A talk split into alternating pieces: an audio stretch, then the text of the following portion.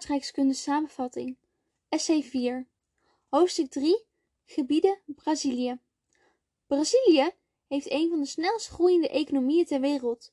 Toch zijn er veel mensen die een bepaald beeld hebben van Brazilië die niet volledig klopt. Dit noem je een stereotype van een land. Ze weten bijvoorbeeld niet dat de hoofdstad Brasilia is. Met de juiste mental map, dat is een kaartbeeld van een gebied, heb je een realistisch beeld van een land. Ook een kloppend geografisch beeld, hoe een gebied eruit ziet en hoe de mensen daar leven, is van belang. Naast de stereotypen die een gebied kan hebben, heeft iedereen ook een eigen perceptie. Dat is een beeld op basis van eigen ervaringen.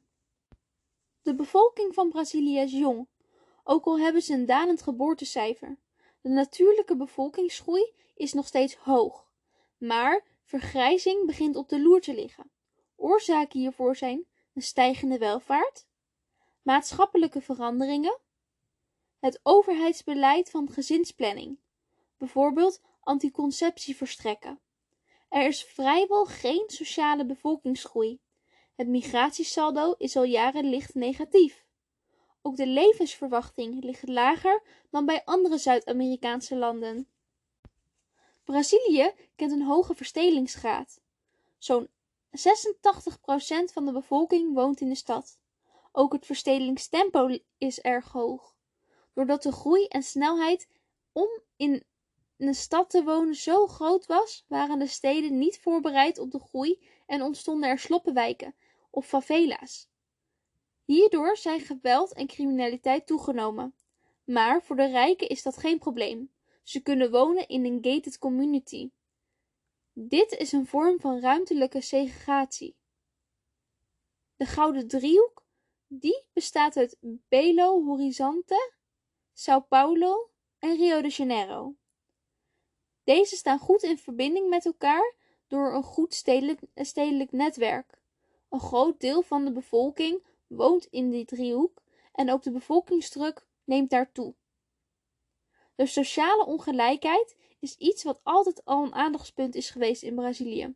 Dit kan je waarnemen door middel van de Lorenz-curve. Er loopt dan één rechte lijn die staat voor volledig eerlijke verdeling. Daarnaast zijn er vaak andere lijnen.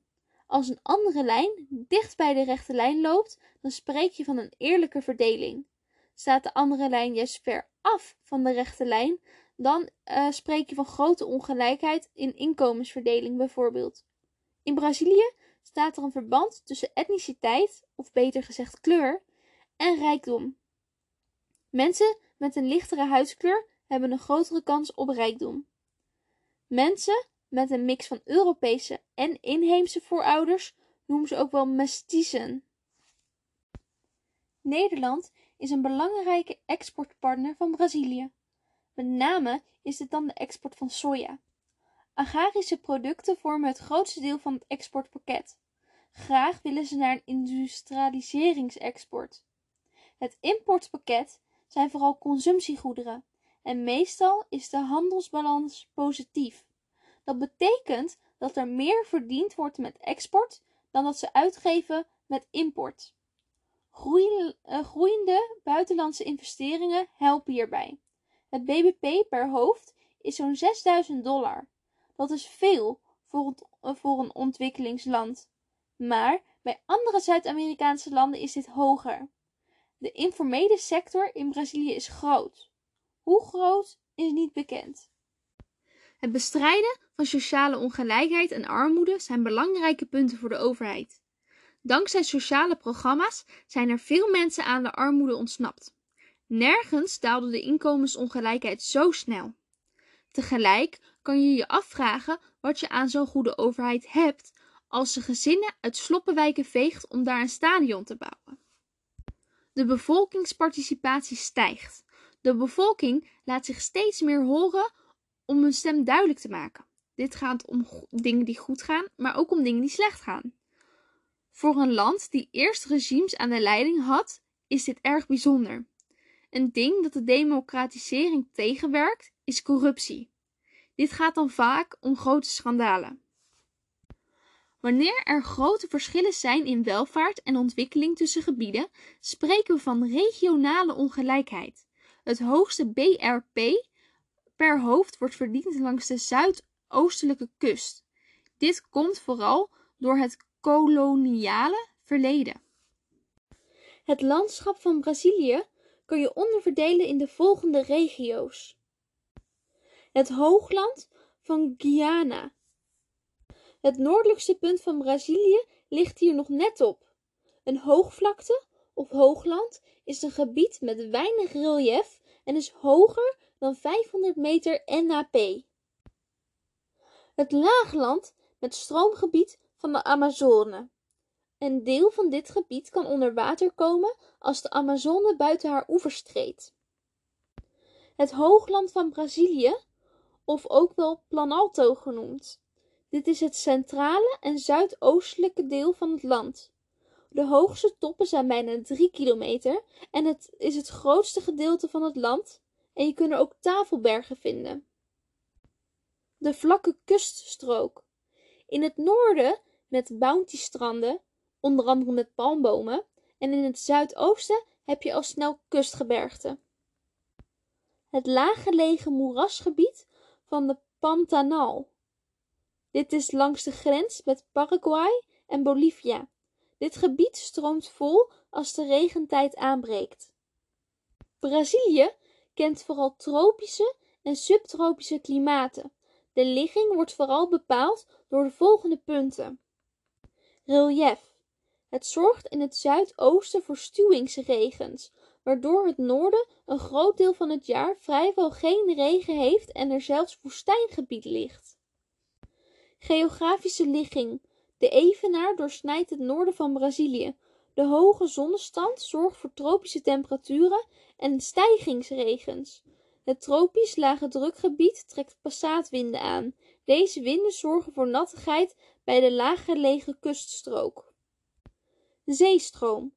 Langs de kust loopt een warme zeestroom. De passaatwinden nemen een warme, vochtige lucht mee landinwaarts. Een invloedrijke variabele is de ITCZ, oftewel de intertropische convergentiezone, die met jaargetijden noord- en zuidwaarts schuift. Dit brengt ook vaak neerslag met zich mee. Strikt genomen valt bijna heel Brazilië op het zuidelijke deel na in de tropische landschapszone. Toch zijn er veel verschillen, zoals het tropisch regenwoud in het Amazonegebied. Dit noemen ze ook wel selva. De biodiversiteit is er enorm. Het centrale en hoger gelegen deel van Brazilië, waar het savannegebied overheerst, kent een aantal kenmerkende vegetatietypen. In de vochtige delen komt de cerrado voor. Dit is een mix van bomen en struiken. In het minder regenrijke gedeelte zie je vooral gras. Dit noemen ze ilanos. In de regio waar het steppenklimaat zich bevindt, groeit de caatinga, ook wel het witte woud. Het zijn doornige struiken die bij veel droogte wit verkleuren. Woestijning is hier een grote dreiging. In de tropische kuststrook zie je veel mangroeven. Dit zijn bomen met lange wortels die in de, zee staan. Voor alle vegetatie geldt dat het klimaat en de bodemgesteldheid bepalend zijn. Maar het klimaat wordt beïnvloed door geofactoren, zoals bodem, luchtstromen, waterstromen, maar ook mensen, dieren en planten. De Braziliaanse mijnbouw is erg belangrijk. De export van ijzererts is al een tiende van alle export. Ertsen zijn gesteenten die bepaalde mineralen of metalen bevatten. Zo is bauxiet een erts waaruit aluminium gewonnen wordt. Veel Braziliaanse ertsen zijn afkomstig uit sedimentgesteenten of opstijgend magma vanuit de mantel dat stolde in de aardkorst. Dit noem je ook wel ertsvorming. Door verwering en erosie zijn ertsen dicht aan het oppervlak gekomen, waardoor je ze vrij eenvoudig kan delven. Een ander woord voor delven is het winnen van deze dingen. Verder heeft Brazilië veel fossiele energiebronnen. Ze hebben vooral aardolie. Voordat Brazilië van hun aardolie gebruik maakte, hadden ze vooral bioethanol. Dit is een soort benzine verkregen uit planten. Voornamelijk was dit suikerriet. Bioethanol is minder schadelijk voor het milieu dan fossiele brandstoffen. Brazilië is de grootste exporteur van bioethanol. Tegelijk met het stimuleren van bioethanol begon Brazilië zich ook bezig te houden met hydroelektriciteit. Dit is stroom uit waterkracht. Dit deden ze door gebruik te maken van stuwdammen en waterkrachtcentrales. Hydroelektriciteit is ongeveer 85% van de totale energie die, die Brazilië gebruikt. Ondanks dat deze energiebronnen vooral heel groen zijn, heeft het ook een keerzijde. De waterkrachtcentrales verstoren de natuurlijke waterstroom, flora en fauna. Hierdoor veranderen deze of verdwijnen ze zelfs. Ook moeten vaak enorme groepen van de bevolking plaatsmaken voor een stuwmeer. Grote stukken grond worden gekoloniseerd en is het een kwestie van de rijkste wind. Ze kopen grote stukken land op en verdrijven soms kleine boeren die daar eerst al zaten. Deze landroof, of landgrabbing genoemd, gebeurt vooral door eh, Brazilianen zelf, maar ook door veel buitenlandse bedrijven. Dit gebeurt zonder rekening te houden met de oorspronkelijke bevolking, de Indianen. Lange tijd was Brazilië bezig met het onderhouden van relatie met overzeese gebieden, zoals Europa, Amerika, Midden-Oosten en Afrika. Eind vorige eeuw begon Brazilië zich ook te richten op regionale gebieden, buurlanden. Dit deden ze om mondiaal, wereldwijd, hun kansen te vergroten. Ze werden de grootste geldschieter van de Mercosur in 1991. Dit is een douane-unie met andere buurtlanden. Dit werd later samengevoegd met een andere handelseenheid en kreeg de naam Andesgemeenschap. Ook hierin had Brazilië een sturende rol. In 2008 werd de UNASUR opgericht. Dit is een soort Zuid-Amerikaanse versie van de Europese Unie. Deze telt twaalf landen. Maar deze samenwerking sluit onderlinge concurrentie niet uit. Buitenlandse investeringen, of FDI, wilt elk land het liefste zelf binnenhalen. Externe economische relaties aangaan is een erg belangrijk doel. De exportgerichtheid of de handelsoriëntatie is niet bijzonder groot in vergelijking met andere Zuid-Amerikaanse landen. De wereldorde op politiek en economisch gebied staan redelijk vast, maar Brazilië wil daar verandering in brengen. Ook willen ze een vaste zetel in de VN-veiligheidsraad. Ten slotte zoekt Brazilië naar meer samenwerking met andere Zuidlanden. Hun snelle economische groei sinds 2000 bleef de rest van de wereld niet onopgemerkt. Daarom voert het land nu met andere snelle groeiers de BRICS. Brazilië wil graag een rol hebben met een grote betekenis. Ook investeren ze veel geld in projecten om onderlinge verbindingen op het continent te verbeteren. Er komt bijvoorbeeld een spoorlijn dwars door de Andes en het Amazonegebied om de oost- en westkust met elkaar te verbinden. Het Amazone-regenwoud is opgebouwd in verschillende lagen. Iedere laag heeft zijn eigen flora en fauna. Dit is afhankelijk van de voedingsstoffen, water en de hoeveelheid licht. Hierdoor is het ecosysteem gevoelig voor verandering. Er is een extreem hoge snelheid in biodiversiteit. Dit komt door hoge temperaturen, snelle groei en verrotting van de planten. De bodem is vrij arm van voedingsstoffen, waardoor er niet gemakkelijk nieuwe planten groeien. De waterkringloop in het Amazonegebied. De regen wordt zelf gecreëerd of komt vanaf de Atlantische Oceaan. Door de regen zelf te creëren blijft de waterbalans in orde. Door de enorme verdamping, transpiratie en wolkvorming houdt het regenwoud een groot gebied vochtig en relatief koel. De koolstofkringloop in het Amazonegebied. Door fotosynthese wordt CO2 opgenomen in de vegetatie dat er in het Amazonegebied is. Ongeveer een vijfde van alle koolstof ligt dus opgenomen in het Amazonegebied. In droge perioden stoot het gebied meer CO2 uit dan dat het opneemt. Het functioneert dus als een soort natuurlijke opslagtank. De sociaal-economische waarde van het Amazonegebied. Het is het oorspronkelijke leefgebied van de Indianen. Er wordt daar geleefd in kleine gemeenschappen met een cultuur die kenmerkend is en is gekoppeld aan het Amazonegebied. Hun shamanen zijn bijvoorbeeld erg ontwikkeld met het maken van medicijnen. De biodiversiteit en het voortbestaan van het Amazonegebied staat erg onder druk. De bedreigingen van het Amazonegebied. Dit is onder andere het ontginnen van de Amazone. Dit is het geschikt maken van een gebied voor landbouw en mijnbouw. Een vijfde deel van de oorspronkelijke begroeiing is al verdwenen uit het Amazonegebied. Er worden miljarden verdiend met de grondstoffen die ontstaan door de landbouw en of mijnbouw. Dit zijn bijvoorbeeld vlees, soja, palmolie en ertsen zoals bauxiet. Er is veel ontbossing door commerciële houtkap. Dit is illegaal. Er is ook veel illegale infrastructuur in het gebied. Dit zijn allemaal economische redenen. De gevolgen voor het landschap en milieu. Er is een verlies aan biodiversiteit en aan opslag van CO2. Er is ook een verlies van vegetatie. Dit zorgt voor een daling in de neerslag. Het kappen van bos of het afbranden daarvan zorgt voor landdegradatie. De waterkrachtcentrales verstoren ook de natuurlijke waterloop. De chemische stoffen die worden gebruikt bij delving komen ook in ecosystemen terecht. Dit is erg slecht. Dit zijn stoffen zoals kwik, lood en arsenicum. Er is ook een maatschappelijke impact. Het is niet normaal dat boeren bijvoorbeeld beschikten over een eigen guerrilla-leger. Dit hadden ze om land te beschermen of mensen te verjagen, zoals milieuactivisten en journalisten. Deze mensen zijn echt niet welkom. Door al dit geweld en intimidatie trekken de zwakkeren richting de stad. Dit zijn allemaal gevolgen van de economische kolonisten.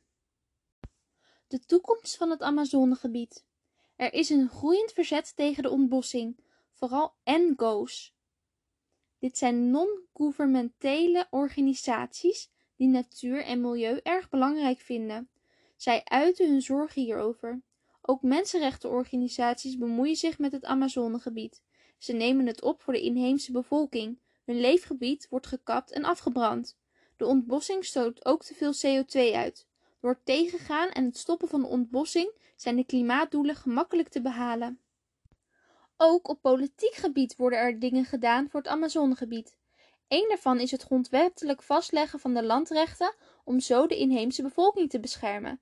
Dit is gedaan in 1988. Jammer genoeg werkt dit niet.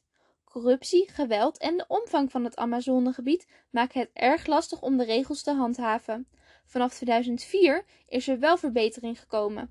Zo worden er meer boetes en gevangenisstraffen uitgedeeld.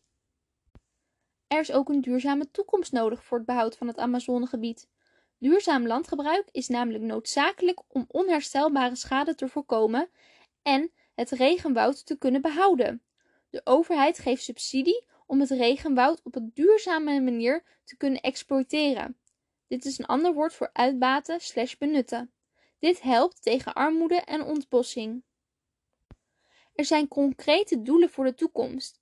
Een daarvan is het behouden van het unieke ecosysteem met zijn grote biodiversiteit.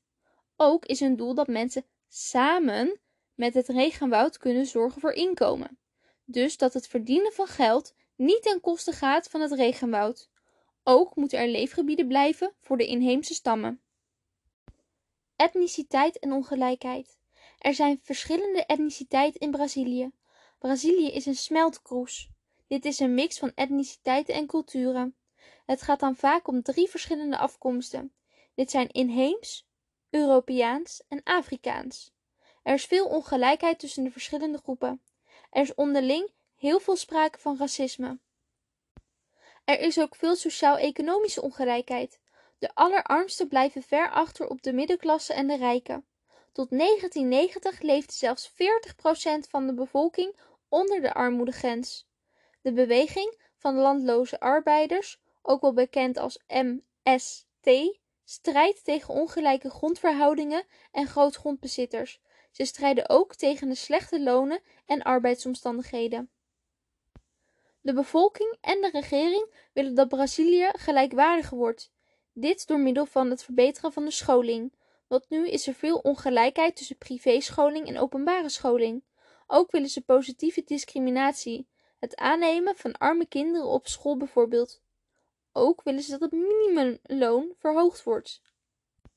Dit willen ze bereiken door middel van bijvoorbeeld het programma genaamd Bolsa Familia. Dit is opgericht door de linkse president Lula in 2003. Er wordt een soort uitkering uitgegeven onder speciale voorwaarden. Deze uitkering staat gelijk aan ongeveer 20 euro per maand. De tegenprestaties zijn dat kinderen naar school moeten en ze gevaccineerd moeten worden. Dit is niet genoeg geld voor de volledige levensonderhoud. 14 miljoen Brazilianen maken gebruik van dit programma. De ontwikkeling van arm en rijk in megasteden. Arm en rijk wonen dicht bij elkaar, maar wel van elkaar gescheiden. Dit noemen we segregatie. De arme bevolking woont in sloppenwijken of favela's. De rijke bevolking woont in gated eh, communities. Dit zijn erg luxe wijken. Hoe beter de wijk is, hoe meer voorzieningen er zijn. De informele sector vindt vooral plaats in de favela's. De favela's hebben dus een grote informele sector. Ook zijn dit vaak hele hechte gemeenschappen. De favela's hebben gebrekkige infrastructuur, dus ze hebben slechte wegen, scholen en riolering. Er vindt veel drugscriminaliteit plaats in de favela's. Dit kan omdat er weinig ingrijpen is van de politie en of autoriteiten. 60% van de stedelijke bevolking valt onder de middenklasse. Bestedingsmiddelen worden vooral uitgegeven aan consumptiegoederen, bijvoorbeeld een koelkast. Dit uitgeven van geld zorgt voor een verbetering van de economie. Maar door de economische crisis in 2012 heeft de economie een terugval gehad en zijn heel veel mensen weer in armoede beland.